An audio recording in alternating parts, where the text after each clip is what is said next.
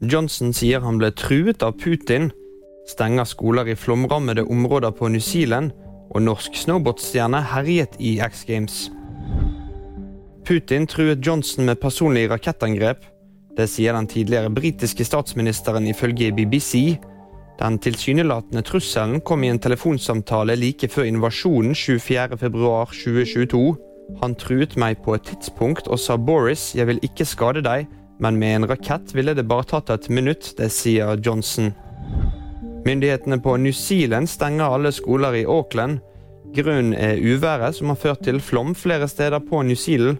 Et nytt farevarsel for ekstreme mengder regn er sendt ut mandag, og ordføreren i Auckland sier de nærmeste dagene kan komme til å bli enda verre. Fire mennesker er bekreftet omkommet etter helgens kraftige regnvær. Markus Kleveland med to gull og sølv i X Games. Den norske snowboardstjernen stakk i tillegg av med seieren i knucklehuck. Lørdag vant han Big Air. Søndag ledet han slopestyle før Mark McMorris skjøv han ned til sølvplass.